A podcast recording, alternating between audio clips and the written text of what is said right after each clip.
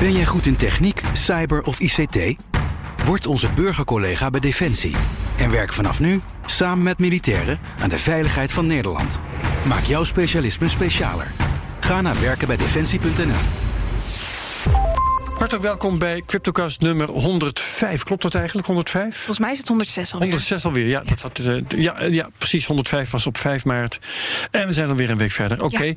We hebben een uh, rare situatie, want we hadden triomfantelijk aangekondigd op Twitter dat Tuur de Meester in deze CryptoCast zou zitten. Ja. Die heeft op het allerlaatste moment moeten afzeggen wegens familieomstandigheden. Ja, dat klopt. Heel naar. Ja. Heel vervelend. We krijgen hem binnenkort alsnog, heeft hij beloofd. En uh, dat beloven wij ook. En we hebben vervangers ingevlogen. En dat zijn de heren van Lekker Cryptisch. André, uh, sorry, Bert en ja, André staat ook nog in dat uh, ouderwetse draaiboek dat hier staat. André Koster hadden we vorige week. Peter en Bert Slachter, hallo jongens. Hey, Twee weken geleden waren jullie hier nog. En jullie waren nog niet ver, dus we konden... ja. We konden makkelijk terugkeren. Ja, jullie konden gewoon omdraaien en weer terugkomen. Dus hartelijk welkom. En we hebben ook weer een camera staan voor YouTube. Dat gaat binnenkort gaat dat op een andere manier ja. uh, opgelost worden. Daar verheugen we ons op. Zeker weten. Maar intussen doen we het nog met de camera die hier staat. Dus ga naar uh, CryptoCast.nl op YouTube. Als je deze podcast per ongeluk hebt aangezet als, als je audio wilt, ook goed, houden we zo. Um, dus uh, iedereen hartelijk welkom. We geven geen beleggingsadvies. Dan heb ik geloof ik alle belangrijke dingen gehad. En dan komen we bij wat waarschijnlijk meteen het pijnlijkste onderdeel in deze CryptoCast gaat worden. Niet waar, Madelon? Uh, Bitcoin. Je ziet mij lachen als een boer met kiespijn. Ja, uh, ja dit was wel een, een fiasco. Was het 2000 in een half uur eraf? Dit was echt. Dit heb ik in tijden niet gezien. Het deed me een beetje denken nee. aan, uh, aan, augustus 2016, waarin de koers een behoorlijke spike had. En ik probeer nu even mijn grafiek te openen, maar hij werkt even niet mee. We zitten nu ook in een andere studio, dus wellicht dat het daardoor. Uh, dat de wifi even moeilijk doet. Ja, maar ja. waar het op neerkomt is dat we ontzettend hard omlaag gingen. Ja. En dat ik juist uh, twee weken geleden nog keihard geroepen heb. Dit is de bodem. En ja, de bodem wordt aangestampt. nou, mooi niet. Wie had gedacht dat corona zo'n invloed zou hebben? En ik heb even rondgevraagd van ja, wat, wat, wat doe je hier nou mee? Wat doe je als technisch analist hiermee? We zakten ja. door, die, uh, door die steunlijn heen. En ja, dan kun je daarop verkopen. Maar die, die, die, die beweging, daar ben ik een beetje. Um, je wordt er een beetje onzeker van. Want mm -hmm. door middel van technische analyse probeer je, je. Je hebt nooit een ratio van 100%. Dat kan niet. Als trader kijk je naar uh, nou, 60-40,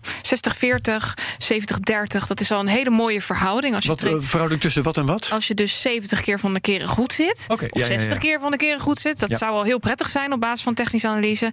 Dus je moet het zien als een soort van uh, ravijn waar je langs loopt. En je hebt een heel klein zaklampje langs dat ravijn nog, zodat je een beetje kunt zien waar dan die diepte is. Zo moet je technische analyse een beetje zien. En ik word er altijd onzeker van als mijn toolset bepaalde bewegingen totaal niet signaleert. Ja. Hij heeft dit totaal niet gezien. En um, ja, daar baal ik van. Natuurlijk baal ik daarvan. Ik ben meegegaan in die trade. Ik heb uh, uh, wel weer teruggekocht of extra, extra bijgekocht. Dat was op een koers in euro's op 5400, als ik me niet vergis. 5380 okay. zoiets. Lekker laag. Uh, ja, behoorlijk laag. Maar goed, wie weet waar het volgende week ja. staat. Misschien staan ja. we dan wel rond de 3.500. Je weet het niet. Nee. Um, maar je ziet wel dat het corona best wel zijn vruchten afwerpt. En we hadden een week of. Um, nou, wanneer was het? Wanneer hadden we Mark van der Scheijs hier te gast, uh, Herbert? Um, zou ik moeten nakijken, maar dat is. Uh, Denk een maand begin, of ergens in januari. Geleden, ja, precies. Uh, ja. erg, begin januari hadden we Mark van der Scheijs te gast. En hij zei toen: de koers van Bitcoin veert op dankzij corona. En we hebben het er toen nog over gehad of dat daar nou mee te maken Mm. had en hoe dat dan precies kon. Uh, als we puur even die technische analyse dan links laten liggen, want dat werkt gewoon niet in deze dus we markt. moeten Mark ook nog even ter verantwoording roepen. Ik heb hem gevraagd, Herbert, okay. wat hij uh, hiervoor mening over had. Ja. En hij zei het volgende. Ik vroeg hem dus: kun je iets van duiding geven hoe het kan dat, dat Bitcoin uh, op deze manier reageert? En hij zei: de markten zien eindelijk in. Dat... Het was de honderdste CryptoCast natuurlijk. Ja, op uh, natuurlijk, 30 ja. januari. Ja. ja. precies. Eind januari was dat dus. Um, hij zei hier: de markten zien eindelijk in dat het coronavirus veel ernstiger is dan gedacht. Dus alles stort in. Zelfs Bitcoin. Iedereen is op zoek naar liquiditeit. Ik maak me er weinig zorgen over, want op de lange termijn is er niks veranderd. En eigenlijk legt hij hier de vinger op de, op de zere plek. Hij zegt: fundamenteel is er niks veranderd. Bitcoin is eigenlijk vandaag net zo goed als dat het gisteren was. En Mhm. eergisteren en vorige week of een maand geleden. Dus ondanks dat er een hele crisis om ons heen plaatsvindt, eh, gaan we mee in die hype met z'n allen. Ik koop weer bij. Bepaalde mensen verkopen in, in, in paniek omdat die markt Ja. ineens beweegt. Iedereen is op zoek naar die liquiditeit. Maar dan, dan eh, stap ik even in de rol van de econoom. Eh, met sceptisch, die zegt: Ja, dat krijg je met een ding wat geen intrinsieke waarde heeft. Ja, over dat intrinsieke waarde daar kunnen we behoorlijk lang over, eh, over discussiëren. Als je puur fundamenteel kijkt naar als een markt op zoek is naar eh, geld, dan komt dat overal vandaan. Ik zie de economie altijd als verschillende boxjes. En je hebt een hoogconjunctuur en een laagconjunctuur. En eh, hoe, hoe de economie beweegt, of dat nou hoog zit of laag zit, dat geld vloeit van boxje naar boxje naar boxje. En Bitcoin is een extra boxje daarbij. En ook daar beweegt het geld. Ook daar zijn gewone beleggers met emoties die reageren op, op bepaalde eh, dingen die er om ons heen plaatsvinden. En dat is heel normaal. Het enige waar ik van baal is dat mijn stomme toolset het niet heeft gezien. ja, meer kan ik er niet aan toevoegen. Ik weet niet Ja. of jij er nog iets aan, eh, aan toe te voegen hebt, Bert. Bert Slachter. Ja, nou, ehm, wat je met TA eigenlijk doet, of eigenlijk met elke vorm van analyse, is het in kaart brengen van wat zijn vanaf hier, vanaf het punt waar we nu staan, nou de mogelijke scenario's in de toekomst. En sommige scenario's zijn dan wat waarschijnlijker en sommige zijn wel wat onwaarschijnlijker. Ja. En eh, met TA kun je de- eigenlijk wat zeggen over de waarschijnlijkheid ervan. Ja. Er is zo'n steunlijn, dan zeg je van nou, dat geeft een bepaalde waarschijnlijkheid dat daar wat gebeurt of niet. Ja, een, ha- een handvat. Nou ja, nou, maar het gaat dus om dat er, er zijn altijd meerdere eh, wegen mogelijk vanaf hier. Sommige, sommige analisten maken ook een bearish eh, scenario en een bullish scenario. Afhankelijk van hoe de werkelijkheid zich ontvouwt. En naarmate de werkelijkheid zich aan je ontvouwt, ga je dus ook bepaalde scenario's invalideren. Zeg je nou, dit wordt hem toch niet. Ja. En een bepaald ander scenario wint aan eh, waarschijnlijkheid. Maar heel eerlijk, had jij deze ontzettend grote beweging zien aankomen tussen Nee, aanhalingstekens? Nee, maar dat doet, dat doet TA dus ook Nee, niet. Grote werk, kijk, de TA voorspelt niks van buiten de, eh, van buiten de historische data. Tuurlijk niet. Je gebruikt de, de, de data uit de geschiedenis en op basis daarvan kun je een prognose maken, een, een Nou ja, waarschijnlijkheid. ja, dus, je, maken. dus je maakt scenario's met een bepaalde waarschijnlijkheid. En dit scenario heeft vanuit de historische data een heel lage waarschijnlijkheid. Ja. Dus jij en ik hebben dit scenario vanuit de TA niet ehm, eh, eh, bij de Ja. twee of drie scenario's gekozen. Precies. Hè, en nu gebeurt dit, nu ontvouwt zich deze werkelijkheid. En nu ga je dus opnieuw kijken van, als, als, als analist van oké, met deze nieuwe gegevens, wat is er nu waarschijnlijk? Ja, we zitten nu weer terug in die stomme downtrend waar we, waar we eigenlijk eh, opwaarts uitgebroken waren eh, ja, begin januari, Ja, 12 dus, januari. dus, dus wat, wat je als analist doet op zo'n moment is meteen uitzoomen. Want de kaart van 1 uur, 4 uur, dat zegt ineens niks meer. Want dat soort trendjes Ja, zijn ja, helemaal weg. Nou, dan ga je terug naar de drie dagen of de, of de weekkaart. En dan zie je, oké, nou die rond 5800, 5600, daar zit echt wel een steun. Dat is die, de heel 2018, tweede helft hebben we daar eh, steun gehad. En later wat weerstand. Dat is dan nu een interessant niveau. Het is ook de punt 786 Fibonacci retracement van eh, die stijging. Misschien, als we nu uitzoomen, is dit een punt dat de markt weer steun vindt. Maar we zitten midden in een storm. Ja, all Ja. bets are off. Zullen we, ja, we zitten midden in een storm en die storm is nog niet afgelopen. Who knows? Zo is het. Ik niet in ieder geval. Nee, ik Dus- ook niet. Dus mijn, mijn advies zou zijn, doe nu niks. Wacht nu af. Kijk eerst eventjes Dit is overigens geen advies. Wie, eh, wat is het weer? Wie eh, geschoren zit, moet stilzitten. Ja, Precies. Die geschoren wordt, moet Wordt, stilzitten. Ja. Ja, ja, ja. ja. Zeker. Goed. Oké, eh, dat is het. Ja, dat is het, Herbert. Ja, meer, ja oké. eh, dus, ik had eh, gehoopt dat ik er meer van kon maken, maar dat ja. is helaas niet het geval. Jij gaat dus ook geen verwachting uitspreken over kansen? Of, Nee, we eh, zitten nu in een, in een neerwaartse beweging weer naar beneden. Die we eigenlijk al vanaf vorig jaar eh, juli eh, in stand eh, hielden. En waar we in januari opwaarts uitbraken. We hadden toen een, eh, een schouder-hoofd-schouderformatie. En die heeft een hele kleine kans op een, op een neerwaarts. Of die heeft een kans op een neerwaartse uitbraak. Maar de kans dat dat gebeurt is relatief klein. Helemaal als je zo'n patroon ziet op een, op een daggrafiek. Nou, we hebben nu, eh, we hadden daarvoor een koersdoel van 6.200 dollar. En daar zitten we al onder op dit moment. Dus we zitten weer in die mooie downtrend. En misschien tikken we nog wel iets omlaag om de onderkant van dat trendkanaal mee te pakken. Dus we kunnen dat die op de bovenkant weerstand ondervindt. Maar nu is het eigenlijk een beetje eh, eh, eh, zwemmen met, met, met een, ja, een klein beetje zwemvleugeltjes om. Je, je, je- ja, in die storm op, op, dat, eh, op die zee. We hebben eigenlijk Ja. nu niet zo'n heel goed, eh, goed beeld van wat de markt eh, doet. Nee. Oké, je bent niet vaak zo in de war. Dat is wel grappig. Oh jongens, dit is waarom ik technische analyse zo fijn vind. Ik kan altijd ergens iets aan vasthouden. En dit is zo moeilijk. Dit is het moeilijkste wat er is. Ja. Je emoties onder controle houden, rustig blijven. En toch weer, weer bijkopen. Dan ja. ja. Ja. Oké, goed. Grappig. Ehm, nou ja, grappig. maar Helemaal niet zo grappig. Maar wel interessant. Zeker. We hebben ook een rubriek nieuws. Ik weet niet of een van jullie eh, nog eh, in al deze verwarring en consternatie... eh, nog een leuk grappig nieuwtje heeft meegenomen. Tjoh, goede vraag. Even op de site kijken. Peter Slachter gaat even op de site. Dan neem ik het woord, want ik heb er in elk geval wel één. Die had ik eh, in de loop van eh, de afgelopen dagen al klaargezet. Wat ik zo grappig vond, er is in New York, de staat New York, is een elektriciteitscentrale. En die gaat nu crypto minen. Oh. Daar zijn ze al mee begonnen. Als een soort. Nieuw businessmodel. eh, ja, een nieuw verdienmodel. Om, eh, ik zal maar zeggen, de leegloop. eh, nuttig te maken. Want het is zo'n centrale die werd dan aangezet als er tekort was. Aan, het was, was ooit gebouwd als kolencentrale, was omgebouwd naar gascentrale. Gascentrales zijn handig, want die zijn flexibel, die kun je makkelijk starten. Dus die zijn er om de pieken te scheren, zeg maar. En, eh, maar dan heb je dus wel een centrale die de helft van het jaar niks staat te doen. Nou, die kun je dus ook wel wat laten doen. En dan eh, is er stroom die je niet kunt verkopen. En daar kun je crypto mee minen. Ja. En het grappige daarvan is, eh, ja, ben je miner en ga je allerlei apparatuur neerzetten... dan moet je afvragen, oké, ik heb een stroomprijs, die moet ik betalen. Maar dat geldt niet voor een elektriciteitscentrale. Nee. Die hoeft geen stroomprijs te betalen, die moet alleen gas betalen. Nou, die, die, die, die, die betaalt de prijs die hij had kunnen krijgen op de, op de markt.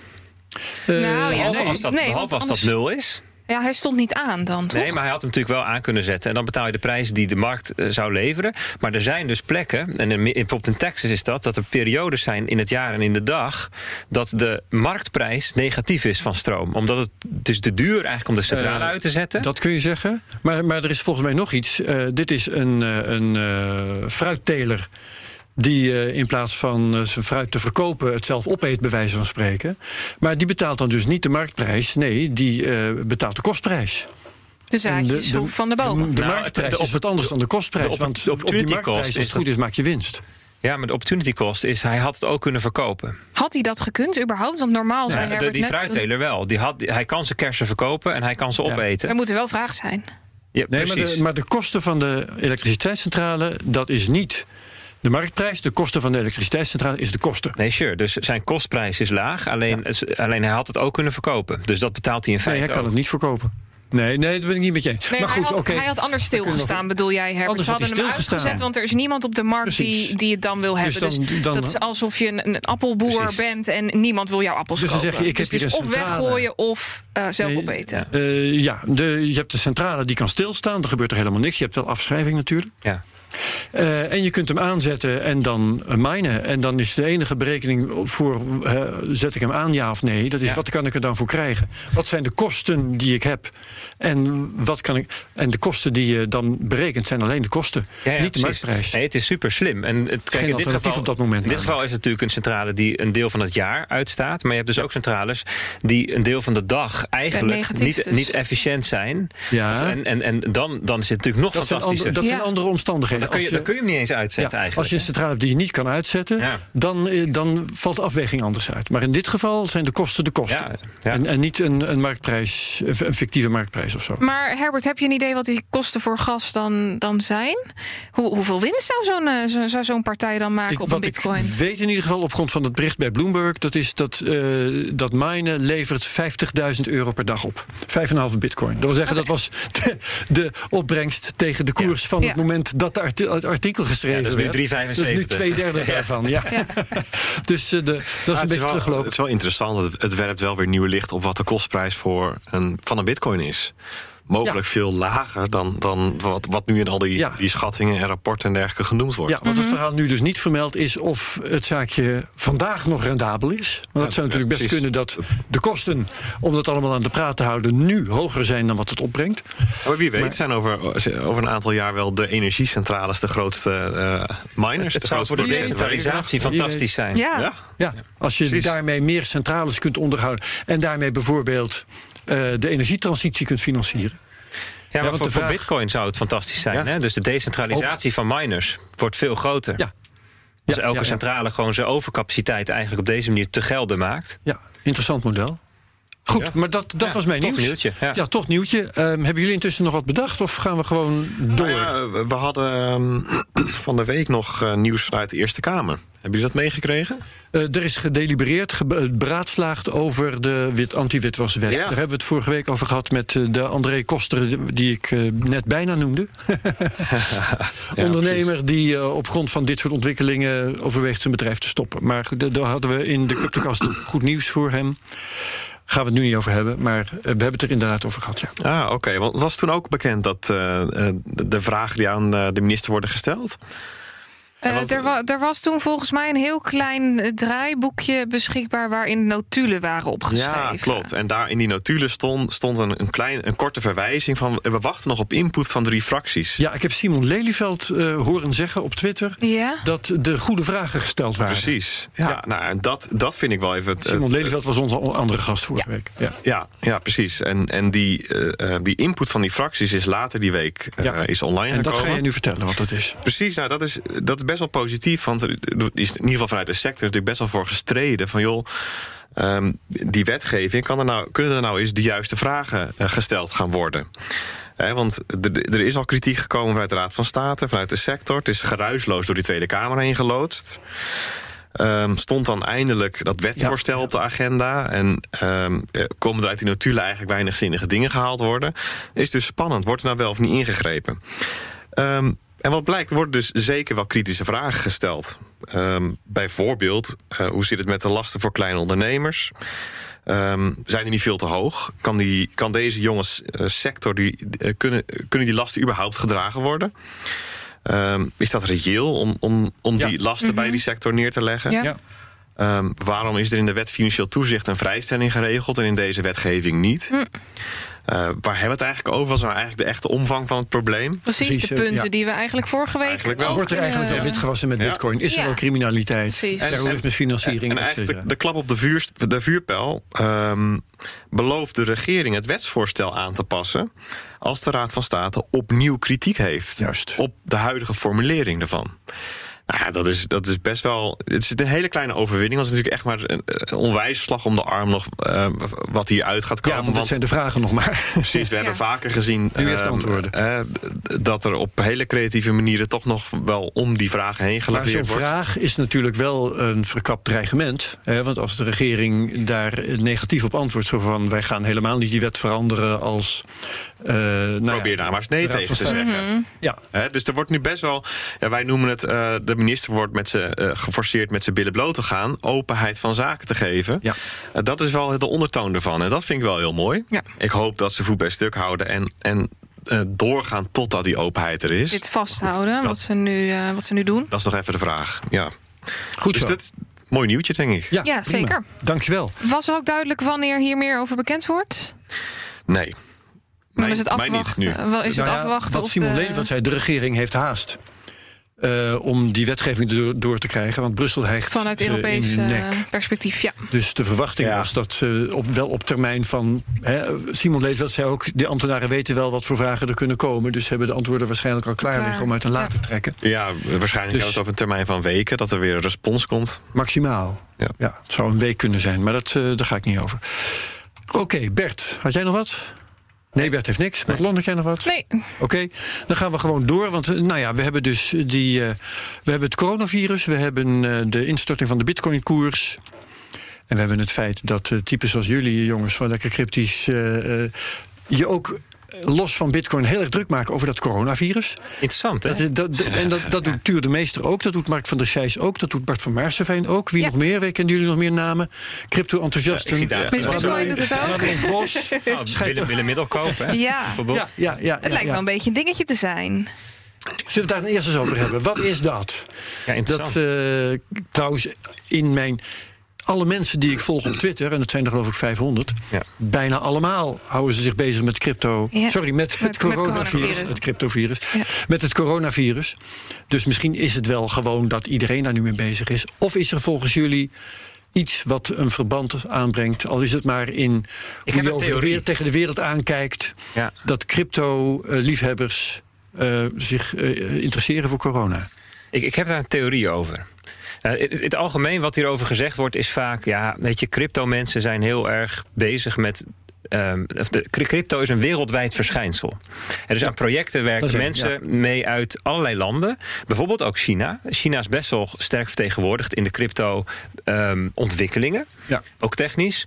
Ehm, dus toen daar wat gebeurde, begin januari, toen merkten de crypto-mensen dat meteen. In de communities, ehm, ehm, eh, in de gesprekken, in het nieuws. Dus dat is, dat, dat is, dat is, dat is een ehm, reden die gegeven wordt. Denk Maar- je dat dat de crypto-beschaving is die snel dingen oppakken? Dat, dat, dat ze daarom de crypto-beschaving zijn? Dat ze gewoon snel dingen signaleren die anderen nog niet zien? Die gewoon achter de hoorde aanlopen? Nou, dat, dat, datzelfde zou dan denk ik gelden voor alle ehm, wat meer open-minded eh, communities. Dus bijvoorbeeld ook een AI-community of Wetenschap. wetenschappers Ja. in het Ja, algemeen. maar misschien is het ook wel zo. Misschien is het wel zo. Maar ik heb een andere theorie. Oké. En dat is dat. ehm, kijk, bij, bij het coronavirus ging het heel snel om: is dit gevaarlijk voor mij? Ga ik hieraan dood? Mhm. Dan zagen we allemaal filmpjes op Facebook langskomen van Chinezen die dan de crematieovers ingingen. Mensen in paniek. En dan was de algemene berichtgeving: jongens, wees niet bang. Het is maar Ja. een griepje. Het RIVM Busjes met lijken vol eh, in. China. Ja. Maar eh, geruststellend zei de directeur van het RIVM: het is gewoon een soort zware griep. het komt nooit in het komt, Nederland. het komt überhaupt niet in Nederland. Was. Maar weet je, rustig maar. En dus kwamen ook allemaal artsen. Die gingen dingen vertellen over wat zijn nou de eigenschappen van ehm, het coronavirus of een coronavirus. En, en, en hoe verloopt zo'n ziekte? En moet je je zorgen maken? Antwoord is nee, jongens, maak je geen zorgen. Wat ik denk heel veel crypto-mensen zagen, is dat de verspreiding van zo'n virus een, eigenlijk de dynamiek van een complex systeem heeft. Ehm, waarin een logaritmische ontwikkeling plaatsvindt. Een logaritme, een, logaritme, of nee, een exponentiële ontwikkeling moet ik zeggen. Hè. Dus dat is op de logschaal, op de Ja, ja. logaritmische schaal is dat lineair. Ja, Ehm, zoiets als de koersstijging van bitcoin. Nou ja, nou, nou ja, maar even Ja, kijk, exponentieel stok omhoog. Of de daling Nee, dan weer. stock-to-flow model. Het stock-to-flow model is natuurlijk ehm, een log-log schaal. Hè? Dus je Ja. ziet, Ja, ja. Hè, dus de- maar ook ehm, eh, netwerkeffecten. De, de seven network effects van Bitcoin, netwerkeffecten zijn ook iets logaritmisch. Mhm. Iets, iets wat exponentieel stijgt. Ehm, en het denken in ehm, exponentiële ontwikkelingen. ja en dat, is begrijpen. onwijs tegenintuïtief. Ja. Als je mensen vraagt 2, 4, 8, 16, weet je, dan zijn mensen geneigd om dat lineair te Het extrapoleren. bekende grapje van het schaakbord, waar je op het Ja. eerste vakje één graankorreltje legt en dan te- steeds twee keer zoveel. Ja, dat, dat verhaal was dat die. Dat die, dat die Oké, wacht even, koning- hoe ging dat? Die ken ik niet. Oh, Ja, dat- Oké, ehm, een Perzische koning, als ik me niet vergis, eh, zo begint het verhaal, die Ja. eh, eh, nou ja, had, eh, wilde een onderdaan belonen. Ja. Een of andere boer die wat moois had gedaan. En eh, die zei van, hoe kan ik je belonen? Nou, zegt die boer, ik heb wel een idee. We nemen een schaakbord, dat had je toen al. En eh, leg nou op het eerste vakje... schaakbord heeft 64 velden, hè? 8 bij 8. eh, leg op het eerste vakje één graankorrel. Op het tweede vakje twee. Op het derde vakje vier.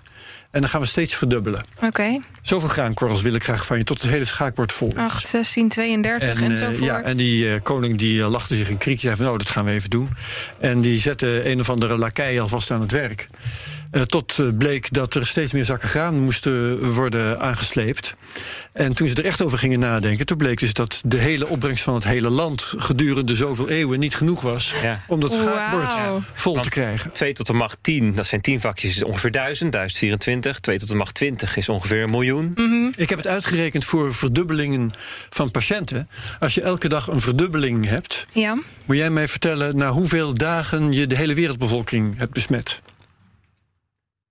Doe eens, doe eens een gooi. Roep wat. 60. Ja, ik, ik denk 32,5, 33. Precies. Ja, maar dat, dat is het punt als informaticus. Maar Dat ook is echt als, super snel, hè? Even Ja, ja. eh, 60, z- of 30 dagen. Dat is, dat Ja, is insane. Want 32, 32 keer verdubbelen, 32 bits, dat is 4 miljard. En dus, weet Ja. je, dus, dus als informaticus, als, als, als, maar ook als crypto... Weet je dat meteen? Ja, Ja. weet je dat. Dan weet je hoe zo'n exponentiële reeks voelt. Ja. En dus je weet het verschil tussen hoe snel schrijf ik iets weg naar het cachegeheugen op een processor versus naar mijn RAM-geheugen, naar een schijf of via het internet. Daar zitten eh eh, orders van groottes tussen. Hè, en als ehm, ehm, bioloog die zich bezighoudt met, met, met ehm, vermenigvuldigingen van of groei van bepaalde zaken, dan heb je ook als, als econoom ook. Hè? Dus als je denkt aan het groei van een kapitaal, dat is ook een exponentiële ja, Ja. rente op rente. Hè, dus er zijn bepaalde groepen. Nou, en in crypto komt dat economische en het technische bij elkaar. Nou, we hebben het ook nog vaak over spreading the crypto virus. Hè, dus dan denk je ook aan het, en dat zijn dan die netwerkeffecten.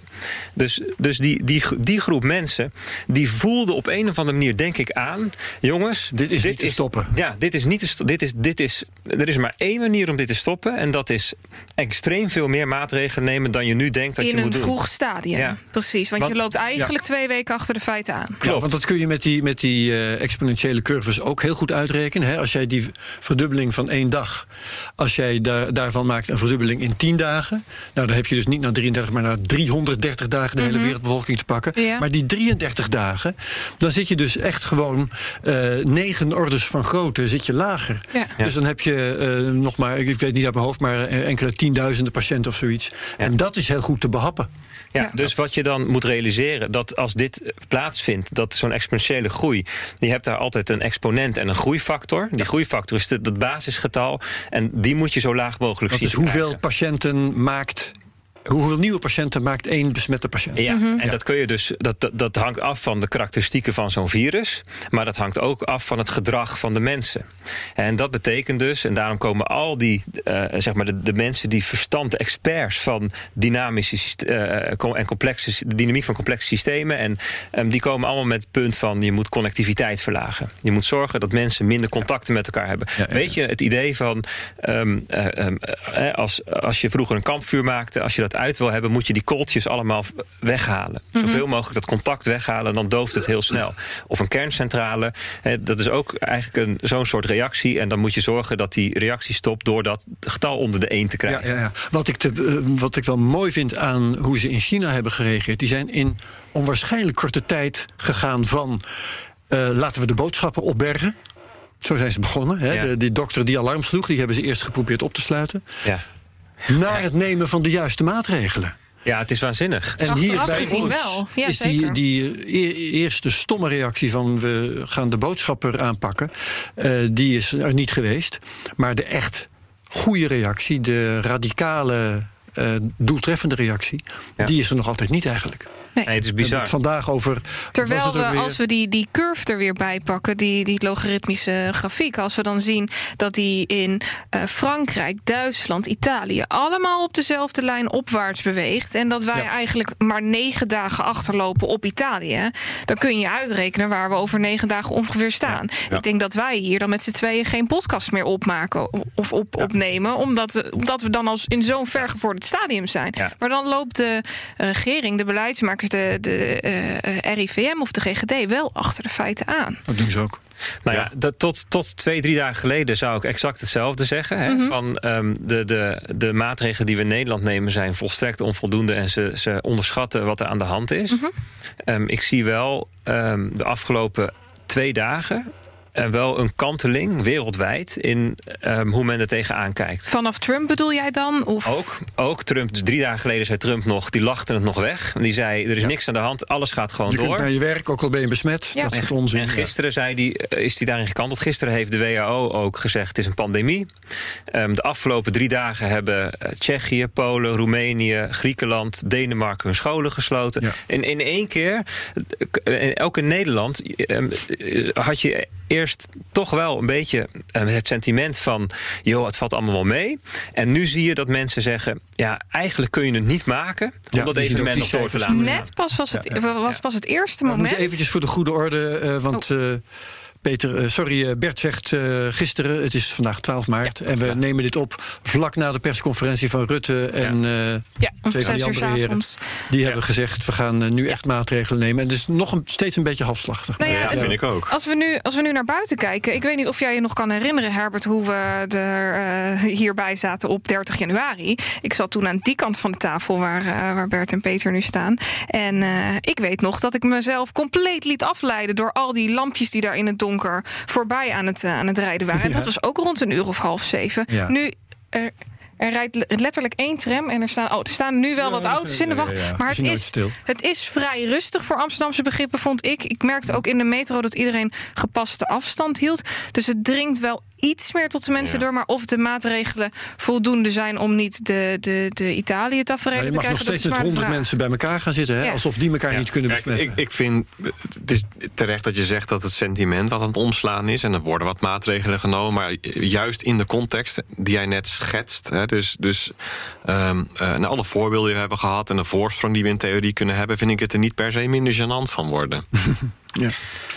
Kijk, eh, Minder gênant in de trant van... Het is nog steeds... de maatregelen Het is nog zijn steeds even zijn- gênant. Ja. Kijk, ja, eigenlijk wel. Kijk, we maken. We zitten in zo'n luxe positie in theorie.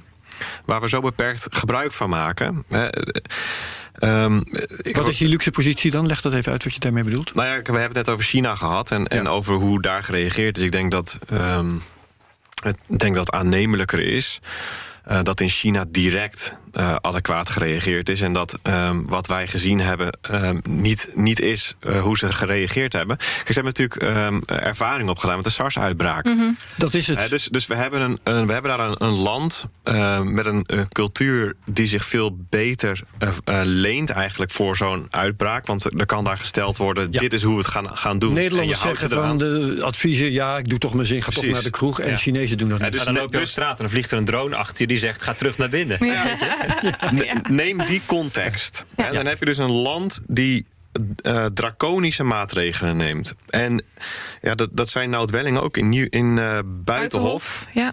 Hè, eh, die zei zelf, ik was op 23 januari, dus dan zitten echt al een, een tijd geleden. Toen ging Wuhan op slot. Een stuk bezorgder dan velen in de westerse wereld. Dus, dus even voor de context. eh, hij is daar bestuurder bij de grootste Chinese eh, grootste bank in China. Volgens mij ook de grootste bank ter wereld. Eh, Nederlander, dus ook best wel toegankelijk voor ons zou je zeggen. Ook voor onze leiders. Oud-president van de Nederlandse Bank ook, Ook, overigens. ja, hij heeft Ja. een indrukwekkend cv, laten we het daarop houden.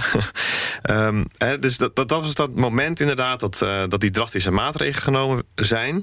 tegen die, de achtergrond van de Chinese cultuur... en de risico's die je neemt als het dus niet nodig blijkt te zijn...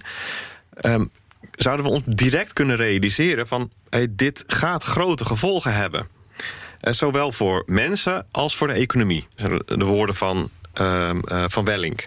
Ja. En ehm, wat is onze reactie geweest? Eh, hoe- en, en hij vraagt zich af, hoe, hoe kan dat? Dat we eerst gaan klagen over het idee dat China de maatregelen zo lang verborgen heeft gehouden. Om vervolgens met z'n allen achterover te gaan zitten. Van nou, Het valt zo vaak mee, zal het niet maar een lopen. griepje. Als het hier dan gebeurt, het komt natuurlijk niet, het is winter, maar als het dan gebeurt, neem het tegen die tijd wel ge- gepaste maatregelen. Ja. Komt het wel goed. Maar ja, de context, zo'n land, zulke maatregelen... dat had gelijk een alarmsignaal moeten zijn. Ja, en en ja, dan ja, hebben we ja. het over eind januari. Hè? Dus, dus dat was het moment geweest dat we, dat we al... Die, dat is de voorsprong die ik bedoel. En zij krijgen eigenlijk Ja, een, onwijze voorsprong. De in ons voorsprong was dat we hebben kunnen zien hoe het in China ging... en de kunst hadden kunnen afkijken. Kijk, en dan verwacht ik niet dat, ehm, eh, dat Jan Alleman dat ziet...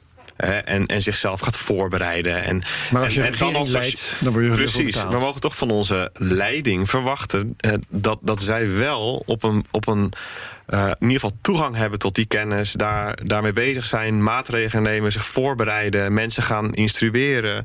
Eh, want ja, dat zijn maatregelen die misschien dan irritant zijn, maar het alternatief zou dodelijk kunnen zijn. Maar je, je onderscheidt daarin natuurlijk twee dat dingen. twee weken geleden was dat precies wat jullie Ja. zeiden. Ja. Je, je onderscheidt twee dingen waarin je kijkt naar de volksgezondheid en het stukje economie. In hoeverre eh, vinden wij het belangrijk dat de economie blijft doordraaien en in hoe, hoeverre Ja, is de gezondheid Ja, maar dat is. een punt? Want Kijk- Welling die, die spreekt in dat, in dat stuk over eh, dat hij zich toen al zorgen maakte. En hij geeft daarin ook aan dat hij zou verwachten dat de Europese Centrale Bank, of althans zou willen, dat die met grootschalige uh, maatregelen zou komen. Dus het verruimen van het opkoopbeleid, het verlagen van de rente. En dat is vandaag niet gebeurd. Nee, maar, maar dit is. Dit is um, heel begrijpelijk dat mensen zo redeneren, maar het, maar het klopt niet. Want het is een exponentiële ontwikkeling. Dus kijk, met de zeespiegelstijging, daar heb je de discussie ook. Hè, van we moeten nu handelen en mogen niet voor ons uitschuiven. Mhm. Maar de zeespiegel stijgt redelijk lineair. dus het is niet zo dat die over 10 jaar op een meter staat... en over 20 jaar op 10 meter en over 30 jaar op 100 meter, weet je. Mhm. dat, dat, dat, gebeurt niet. Dus, um, maar dat is dit wel. Dus dit, dit kun je niet... Je kunt dit niet um, uitstellen. In de zin van, je, je komt er niet mee weg door te zeggen... ja, de economie. Ehm, de, je hebt de garantie dat je binnen vrij korte tijd... de samenleving zo treft dat alsnog de economie door het putje gaat. het, is, het, is, een dus- paradox. Je, je, je stelt iets uit en denkt... Oh, nou ja, weet je, zo kunnen we door blijven draaien. Je kunt maar, maar, voor je het weet, en dat is, dat is die verwachting... die heel veel mensen niet hebben... Um, nemen de aantallen zo toe dat gewoon dat, publieke faciliteiten... Ja. precies dit, op slot lopen. Precies dit verwacht je, verwacht je van mensen van RIVM en van de regering dat ze begrijpen dat er een exponentiële groei is. En dat je dit dus niet over de verkiezingen heen kunt tillen. Nee, maar, dan... ja, maar, dat is wel het narrative. Ja, ja, ja. ja, zeker. Oh, hè? ja. Nee, dit, dit, dat, Kijk, voor mij is dat gewoon waanzin. Kijk, als je op de stoel van een bestuurder uh, zit van een land, uh, dan, dan zou je verwachten, je hebt inzicht in hoeveel intensive care units zijn er. Uh, wat gaat er gebeuren? Ehm, ja, van, de, van de week werden de getallen genoemd. We verwachten dat deze winter een procent of 30 van Nederland de ziekte te pakken heeft. Wat betekent dat dan als 5% een intensive care unit nodig heeft? Gaan we dat? Hè? Lukt dat überhaupt? wat zijn de gevolgen dan en wat kunnen we daarmee gaan doen? Welke scenario's ga je op voorbereiden? het is nu zo reactief Even een stapje, stapje, terug naar wat, wat Welling dus zei. Hij gaf daarin aan dat hij wilde, indirect, dat hij hoopte. Want de, de presentator die zei nog: bedoel je hiermee dan? En toen zei hij: Nou, ik mag daar niks over zeggen. Maar ik hoop het wel dat de ECB dan ingrijpt. Dus eigenlijk zou je willen zien dat de landen in Europa zeggen: we gaan even tijdelijk in lockdown. Iedereen met een hypotheek, maak je eventjes niet zo weet, druk. Weet zo, we, we, eh, pompen wel wat geld in dat systeem. Dan is het over vier maanden klaar. Is die ziekte weg. En uh, kunnen we gewoon weer door met maar dat gebeurt er niet. Het wordt onderdrukt, het wordt rustig gehouden. En we zien daardoor ook dat de Europese Centrale Bank de rente niet verlaagt. 10 miljard per maand erbij bijdrukt, terwijl dat nu 20 miljard is. Het is niks. Nee, maar ik denk dat je twee dingen moet onderscheiden. De centrale bank is er niet om um, burgers en bedrijven te redden in deze situatie. Dat is aan de landen en dat doen de landen ook. Hè. Dus Europe Europa heeft deze, uh, deze week een noodfonds van 25 miljard opgesteld en dat gaat wel meer worden. Mm -hmm. Italië heeft 10 miljard uitgetrokken. Ook in Nederland zijn er nu al maatregelen voor bedrijven die um, in, in de problemen komen. Hè. De ja, in, in deze gaat het over de banken, dus de, de liquiditeit bij de bank. Want dat is waar het mis kan gaan dat de banken geen geld uit kunnen lenen aan die MKB-bedrijven. ja, maar dat gaat dus wel goed komen. Dat, dat, dat, dat wordt wel gegarandeerd. En daar ben ik niet zo bang voor. Maar, maar die, die, die 10 miljard extra per maand, dat heeft niks te maken met die banken. Ik dat vrees is, dat is echt. Dat is, dat is opkoopprogramma. Dus wat kopen ze daarvan? Staatsobligatie, weet ik wat allemaal. Dat, dat, en dat zeggen heel veel mensen ook. Van deze crisis kan niet worden gered door de centrale banken. Nee, natuurlijk niet. Dat, dat is al duidelijk. Het is, een, leeg. Ja, het is een, een verloren race. En er is ook voor gewaarschuwd. Maar de crisis is ook niet. Het is, er is ook geen sprake van een, van een bankencrisis. Er is sprake van een virus. Nou ja, van een liquiditeitscrisis. Ja, maar, maar in, principe, in principe kunnen ze dat onbeperkt maken. Dat zie je ook bij de, bij de Fed. Die, die, die, die, die repo Die moet ingrijpen op de repo-markt. want anders dan hebben de banken onderling een probleem. Die vertrouwen elkaar daar niet meer. dan dat betekent toch ook? hele banken, banksysteem in elkaar stort als de Fed niet ingrijpt. Ja, maar dat, dat gaat dus ook goed nu. Ja, nu, nu wel, zolang ze dit beleid blijven voeren wel. En de vraag is dus, als de ECB hier niet voor kiest, hoe eindigt dat dan? Maar goed, dat is, het is van hele andere orde. Eh, dat is wel iets waar ik me druk over maak, zoals je waarschijnlijk wel uh, vernomen hebt. Ja, ja, ja, Nou ja, de, de, ECB die zegt zelf ook, we hebben beperkte middelen. Dus ik denk niet dat we uit die hoek heel veel uh, moeten verwachten. Ja, klopt. Ja. Oké. Okay. Um, volgens mij moeten we weer eens terug proberen te komen bij de bitcoin. En bij crypto in het algemeen misschien, hè, want de ja. hele cryptomarkt tankt natuurlijk. Ik weet niet of het nuttig is hier om dat onderscheid nog te maken. Moet ik jullie er even voor aankijken? Nou, Vinden ja. jullie dat bitcoin en altcoins, dat, dat dat hier een verschillend verhaal is? Ik geloof het niet, hè? Het is uh, één grote beweging. Ja, over het algemeen wel. Tijdens dit ja. soort momenten wel. Ja. En, en over het algemeen altcoins harder dan bitcoin. Ja, precies. Dat is ook heel duidelijk te zien. Ja. Je hebt in de cryptomarkt dezelfde problematiek als wat nu in, in, in de hele breedte zichtbaar is. Dus wat we vandaag meemaken, Madelon zegt net inderdaad liquiditeitscrisis. Mm -hmm. dus, dus wat er gebeurt, uh, een heel simpele analogie is... Uh, in feite gaat het erom, in dit soort situaties... Um, iedereen wil naar cash toe. En dan is de vraag, hoe groot is de achterdeur? Waarom wil iedereen naar cash toe? Ja, um, de, de professionele beleggers, handelaars... Um, die willen hun portfolio gaan herbalanceren. Althans, -hmm dat wordt over het algemeen zo gesteld. Um, en we hebben nog een andere extra toevoeging waarbij we kijken naar een heleboel margin calls. Dus ja, dat is op het moment dat jij long zit en uh, je hebt een, uh, een portefeuille die, uh, die behoorlijk wat leverage heeft, dan moet je dus bij gaan storten om die positie te, te behouden. Ja. Hoe lager je de koers gaat, hoe meer je bij moet gaan storten. Dat geld moet ergens vandaan komen.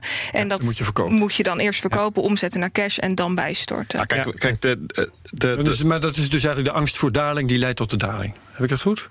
Uh, nou, het leidt tot een, tot een squeeze, bijvoorbeeld een long squeeze. En dan krijg je in één keer een reactie, of, of een short squeeze in één keer een reactie de andere kant op.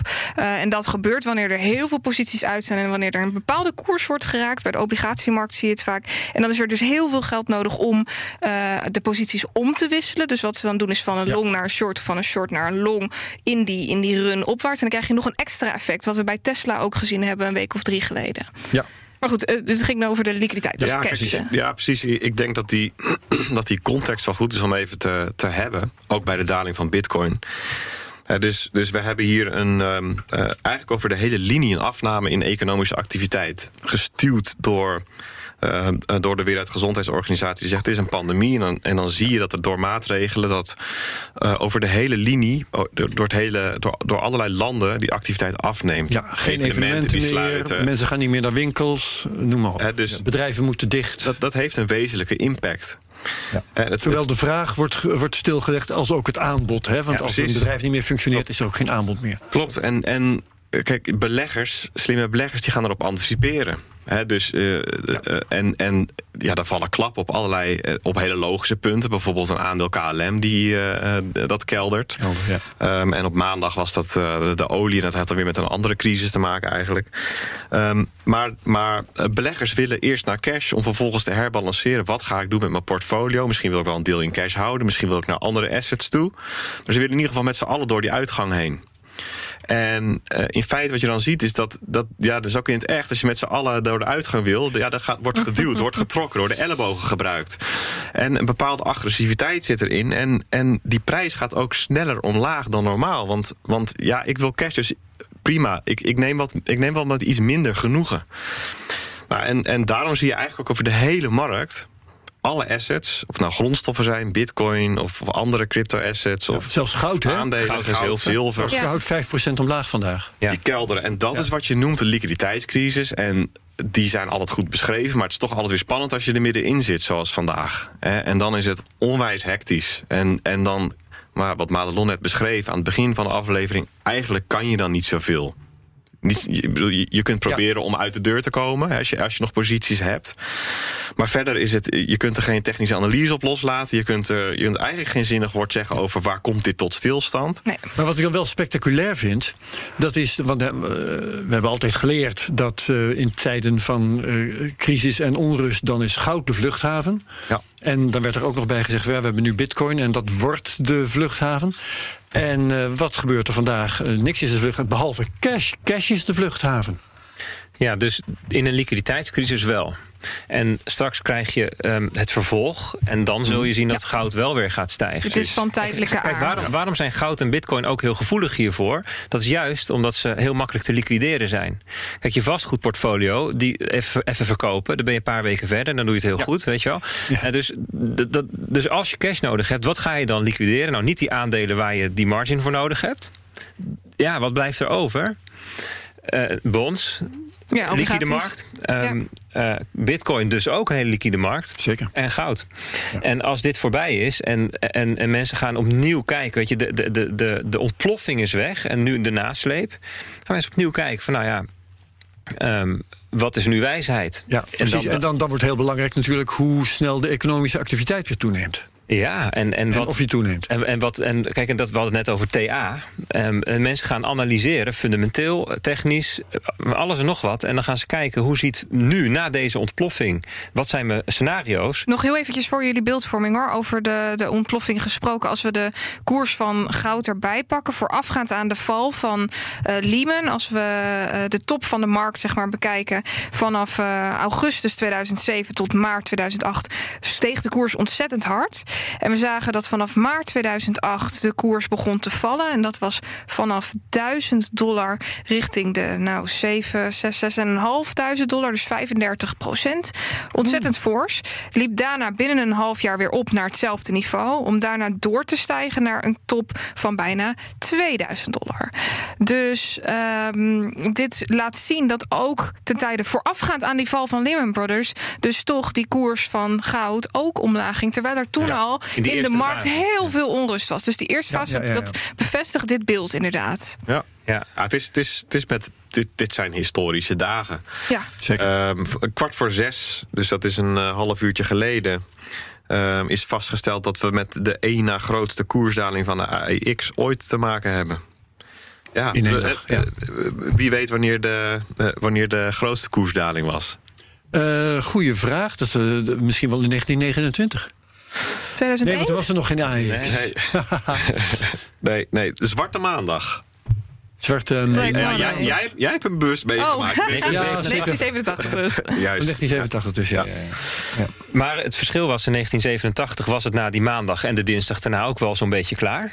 Ja. Ja, het En- jaar daarop stond de koers weer op hetzelfde niveau. alleen nu hebben we deze crash dus al, terwijl we pas eigenlijk de allereerste maar het begin. dingen zien van deze eh, Ja. eh, situatie waar we allemaal in zitten. We kregen allemaal vragen op Twitter binnen van, eh, van mensen die zeiden... ja, maar kunnen we dan nu vaststellen dat bitcoin geen store of value is? Wat vinden jullie daarvan? Store of value is sowieso echt iets totaal anders dan een safe haven. Ja. Het zijn echt twee verschillende, dit wordt wel eens aan elkaar gekoppeld, maar dat Ja. zijn een heel ander soort vraagstukken.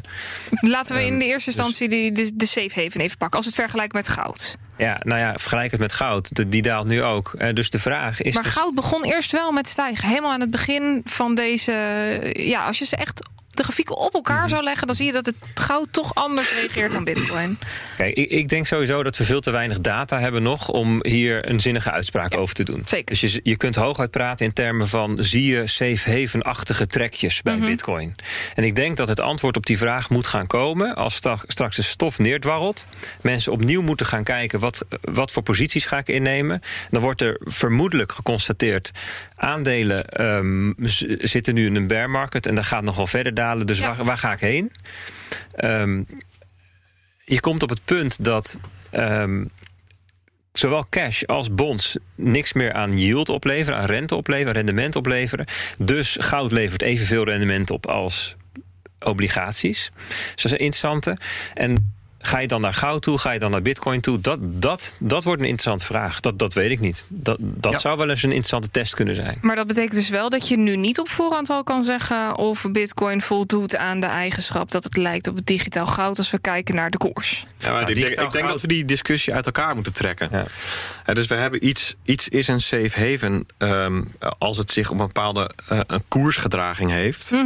Eh, en de eigenschappen van bitcoin, van daaruit komt de notie Ja, van het is digitaal goud. Ja. Dat heeft op zichzelf weinig te maken met de koersontwikkeling. Ja, je, kunt wel, je kunt wel zeggen, oh, dus het moet zich ook qua koers gedragen als goud. Maar dat, Mhm. dat is op zich helemaal. Dat, dat klinkt logisch, maar dat is het niet. En als we kijken naar, naar die safe haven... dan zullen, kunnen we daar dus in principe nog niks over zeggen... omdat we dus niet volgens jou Nee. eh, in de tweede het, fase het, zitten. meest, het meest voor de hand liggend is eh, dat, het no- dat we het klassificeren als ongecorreleerd. Mhm. Eh, ik denk dat als we kijken naar de data die we nu hebben, dat we een streep kunnen zetten door het idee dat Bitcoin een safe haven is. Precies, want Maar- dat is de reden dat de vraag wordt gesteld. Eh, Als je ja. gisteren dacht, zijn onzekere tijden, ik ga maar eens bitcoin kopen... dan kom je van een koude kermis thuis. Ja, maar dat, Zeker. Maar, Dat- dat- maar het interessante Maar dit is... zegt ook niet dat het geen safe haven is. Nou, Nee, maar het punt is juist eh, waarom. Nee, we zitten nog niet in die tweede fase. Maar laten we het even, Hmm. laten we het even definiëren dan. Eh, De definitie op Investopedia zegt... het is safe haven is een investering waarvan je verwacht... dat die zijn waarde behoudt of in waarde toeneemt... in tijden van marktturbulentie. Zouden we vandaag kunnen omschrijven als marktturbulentie? Dat dacht ik wel. Zeker wel. Heeft Al, goud zijn eh, waarde gehouden? Nee. Dus is goud CV?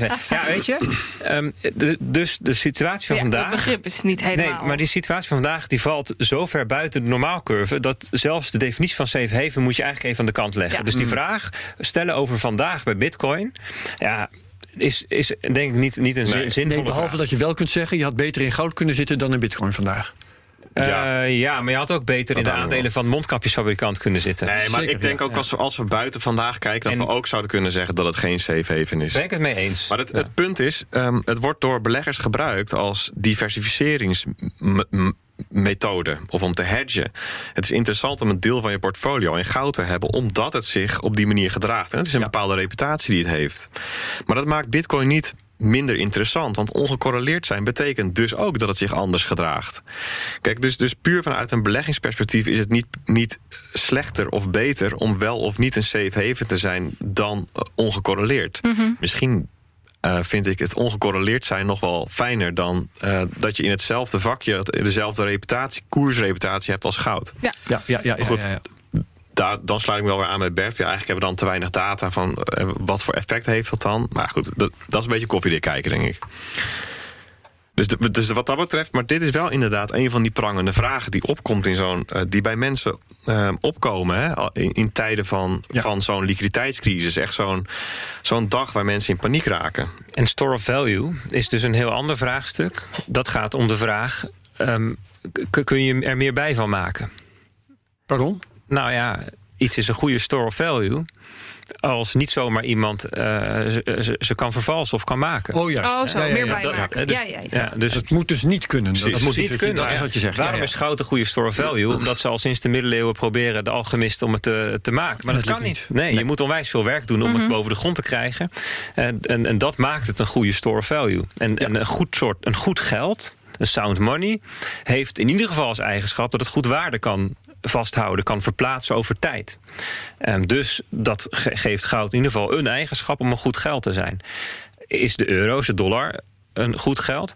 Nou ja, sommige eigenschappen heeft het wel, store value, maar kun je over twisten. Is bitcoin potentieel een goed geld, want het is natuurlijk nog in de opstartfase. Het is nog lang niet een volwassen geldsysteem, Ja. maar heeft het de potentie om een goed geld te zijn? Nou, sommige mensen zeggen van wel, met name omdat die store of value functie zo ontzettend goed kan vervullen, omdat er niet meer bij van te maken is. Ja. Eh, hier is een vraag eh, op Twitter die wel heel erg mooi op jouw antwoord aansluit. Eh, Salim Abidi die vraagt het volgende: Wat is dan het nut van Bitcoin als het niet wordt gezien als digitaal goud en niet als munt, als betaalmiddel wordt gebruikt? Goeie vraag. Als de, dus je zegt eigenlijk, wat is het nut van een eh, peer-to-peer geldsysteem, wereldwijd geldsysteem, als het niet wordt gebruikt als geldsysteem? Of als digitale vorm van goud, waarin je dus waarde opslaat. tussen Ja, maar ik, ik, ik, ik zie die, het digitale goudparadigma eigenlijk als ehm, ehm, checkpoint op de weg naar een volwaardig geldsysteem. Dus jij vindt eigenlijk dat dat, dat dat de route is die gelopen wordt. En vanuit daar zou het dan een munt moeten worden. Maar dan alsnog de vraag: als het nu niet als munt wordt gebruikt, wat is dan nu op dit moment het nut? Nou ja, de- in deze opstartfase zie je ehm, dat de eerste mensen het nu aan het gebruiken zijn om mee te sparen. Dus eigenlijk hun vermogen te verplaatsen over tijd. Dus store of value, Begin, ja. digitale goud. Maar het grootste gedeelte van de mensen is nog aan het speculeren. Juist. Mhm. Die, die, die willen bitcoin omdat ze ergens het vermoeden hebben dat dit wel eens het geldsysteem van de toekomst kan worden. Dus het nut van Bitcoin op dit moment is dat het in de toekomst mogelijk een betaalmiddel zou kunnen worden. Ja, ja. Ja, en ik denk dat dus een groeiende eh, deel van de mensen denkt... ehm, ehm, niet alleen maar als speculatie, maar ook als ehm, he- het in stand houden van het vermogen wat ik heb. Mhm. En speculeren is ook een beetje uit de categorie van... nou, je, dit geld heb ik niet meer nodig. En, ehm, Ja, ik gooi het er wel in Ja, en weet je, als ik je het wel. kwijt ben is het ook leuk... maar als het keer duizend gaat, dan is het nog leuker. Ja. Eh, heel, heel gechargeerd. En vermogen bewaren, dat, dat doe je eigenlijk alleen maar als je denkt... nou, ik zou het fijn vinden als dit vermogen... ehm, hè, dus mijn koopkracht over 30, 40, 50 Hetzelfde jaar... blijft. Hetzelfde blijft. minstens hetzelfde blijft. Minst, ja. Ja, ja. Eh, dus, de- eh, dus spaartechnologie noemde Pierre Rochard dat. Nou, dat vond ik wel een mooi, mooi woord. Het is nu een spaartechnologie. En het wordt misschien in de toekomst ook nog een betaaltechnologie. Nou ja, het wel iets. Die vraag die, die zegt wel iets over hoe. ehm, over de perceptie van misschien wel veel meer mensen ten aanzien van Bitcoin, hè, dat het al een volwaardig geldsysteem is. En, en technisch, technisch gezien is het misschien zo. Je, je, je kunt ermee. Je, het, je hebt transacties. Je, het is goed om, om je geld in op te slaan. In principe, die, die, die eigenschappen zijn er allemaal. Er wordt lekker snel aan de andere kant van de wereld. Ja, je, kunt hem, je kunt hem niet twee keer uitgeven. Hè. Dus eigenlijk Ja. de twee essentiële eigenschappen zijn... het is onvervalsbaar en het is oncensureerbaar. Dat maakt bitcoin bijzonder. En, ehm, en er is gezorgd dat het niet twee keer kan worden uitgegeven. Dus je kunt erop vertrouwen eigenlijk... dat het geld zich niet vermenigvuldigt, zou je kunnen Ja. zeggen. Er was ook nog de vraag, en die past ook wel een beetje in deze discussie. ehm, voldoet eh, Bitcoin nou nog aan dat stock-to-flow verhaal? Ja. Eh, eh, een van de dingen die ik mij afvraag na deze spectaculaire koersdaling. Zitten we nog in die band die Plan B heeft geschetst? Kun jij misschien zeggen of dat wel of niet is? Ja, volgens mij zitten we er nog in. Zitten we nog Zeker, in? Zeker. zeker ruim. Ja. Oké, dus wat dat betreft hoeven we ons geen zorgen te We maken. konden nog naar 3K volgens mij ongeveer. Ja, ja, zullen we daar even over hebben? Of? Nou, dat stel ik voor. Ja. Nou ja, dus ehm, het stock-to-flow model, daarvan is dus. Nee, dat is in, in, in maart vorig jaar is dat een beetje gaan rollen. Maar later in het jaar is ehm, geconstateerd dat er sprake is van co-integratie. En het wordt vaak uitgelegd met het Dat is elastiekje. uitgelegd door Marcel Burger, maar doe Ja. het nog maar een keer. Ja, dus Dat, is, dat, dat wordt vaak uitgelegd met het elastiekje. Dus de koers van Bitcoin ehm, zit eigenlijk vast met een elastiekje aan de modelprijs. En die modelprijs die gaat behoorlijk voorspelbaar gaat die omhoog op basis van het stock-to-flow model. Ehm, niet helemaal voorspelbaar, omdat we niet precies weten hoe snel de miners bloks maken. Maar behoorlijk voorspelbaar. Dus dat zie je vaak in de toekomst ook dat trappetje zo omhoog getekend. En de, en, en de- omhooggang van die traptreden, dat is dan die halving die plaatsvindt. Waarbij de stock-to-flow ehm, eh, dus eh, verdubbelt. Ehm, Eh, even kijken, de flow halveert, dus de stock-to-flow verdubbelt. en Ja. de modelprijs vertienvoudigt. Hè, Dat is dan het verhaal. Ja. Ehm, en dat zit dan met een elastiekje aan elkaar vast, zeggen ze dan. En dus gaat die prijs weer terug naar die, de koers naar de modelprijs.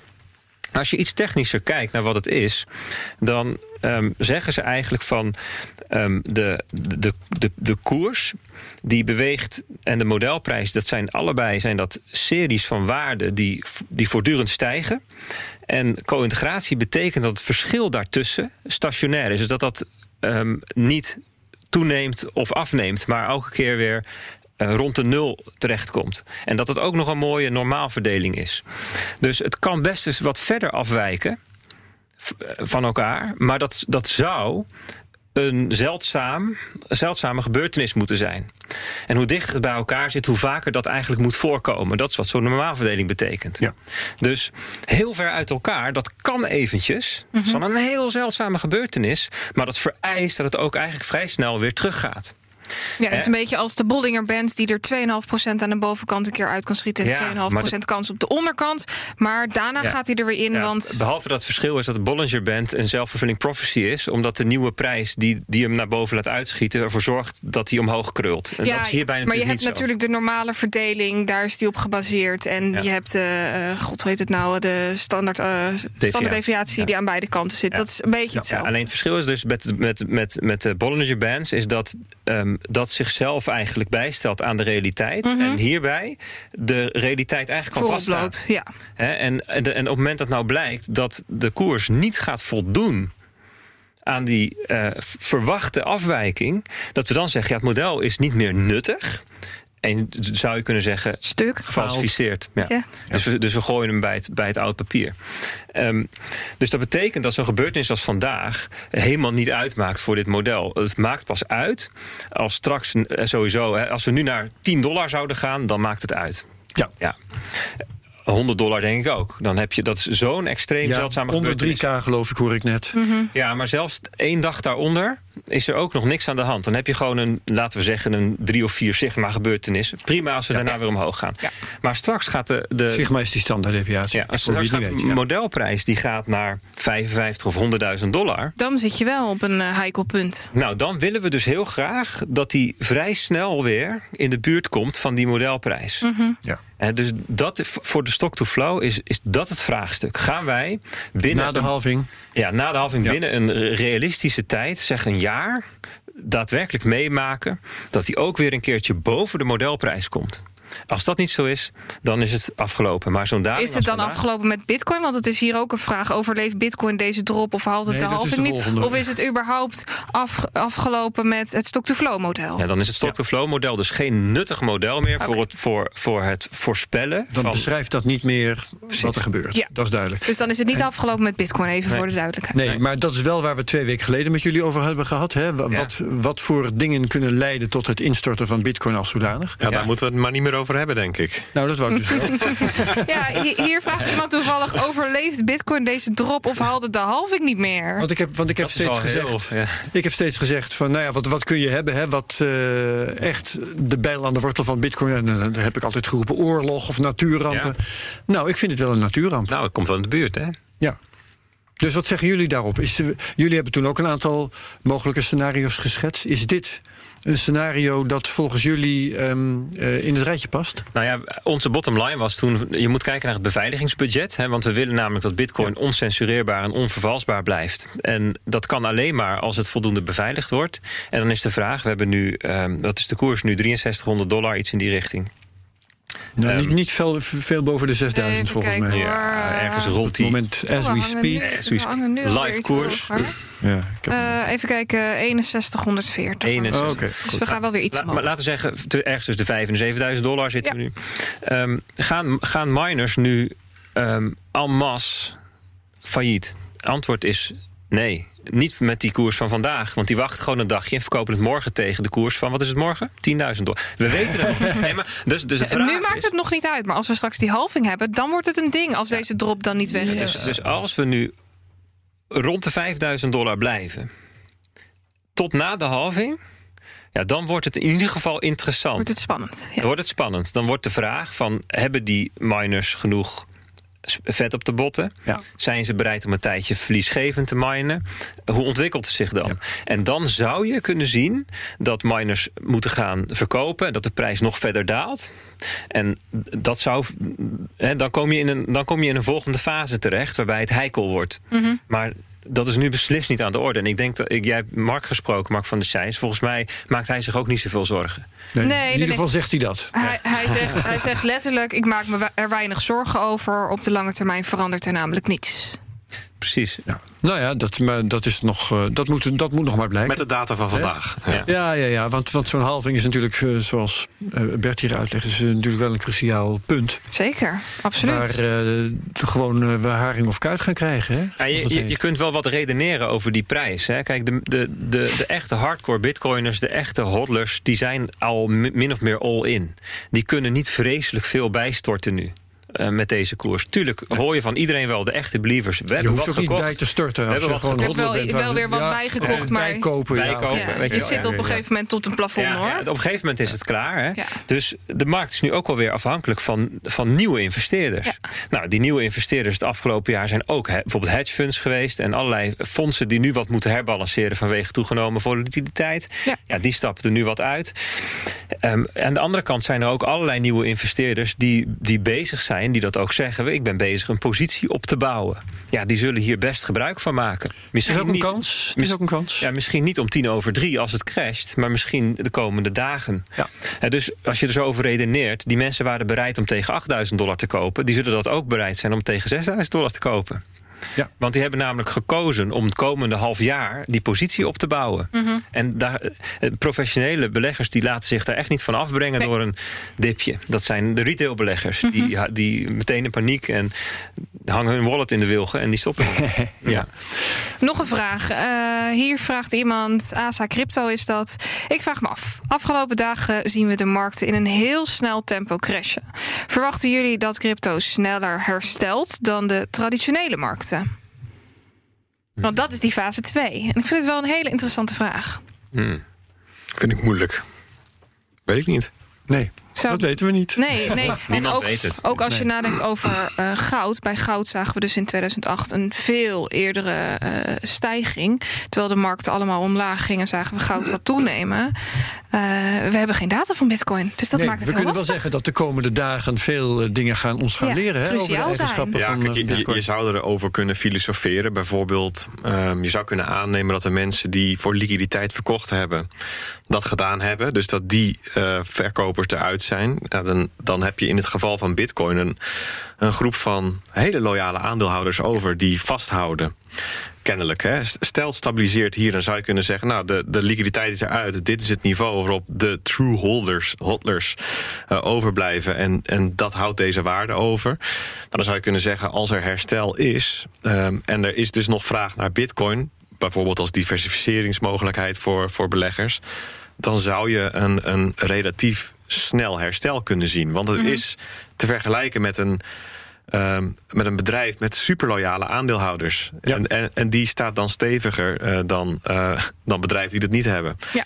Dus uh, een, een denkrichting. Maar ja, dit, dit is.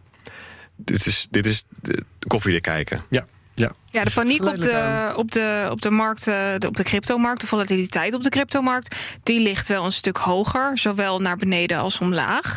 Uh, naar boven? Ja, uh, ja naar beneden als, als omhoog. Zo. Het kan alleen maar omlaag vandaag. Ja, ja, oh, maar ja, het, het, is heel lastig te stellen of, of, dat, of, of die opwaartse beweging ook weer zo rap zou gaan. Als je kijkt naar de volatiliteit zou je kunnen zeggen dat het wellicht een grotere kans is. Maar ja, er moet toch iets. Over het algemeen uh, heeft Bitcoin dat natuurlijk wel dat ook bewegingen omhoog heel snel kunnen gaan. Dat hebben we de afgelopen maanden ja. echt wel gezien. En de market cap is ook natuurlijk veel kleiner dan die van goud bijvoorbeeld. Hè. Goud is ongeveer 8 1000 miljard. En bitcoin is nu 180 miljard, beetje die orde grootte. Ja, die zou sneller reageren dus, op een bepaalde ja, dus hoeveelheid als je zelf hoeveelheid geld in of uit ja. wil stappen... dan reageert het meer. We hebben ook geen um, uh, instantie die ingrijpt en de markt stillegt... zoals bij de S&P 500.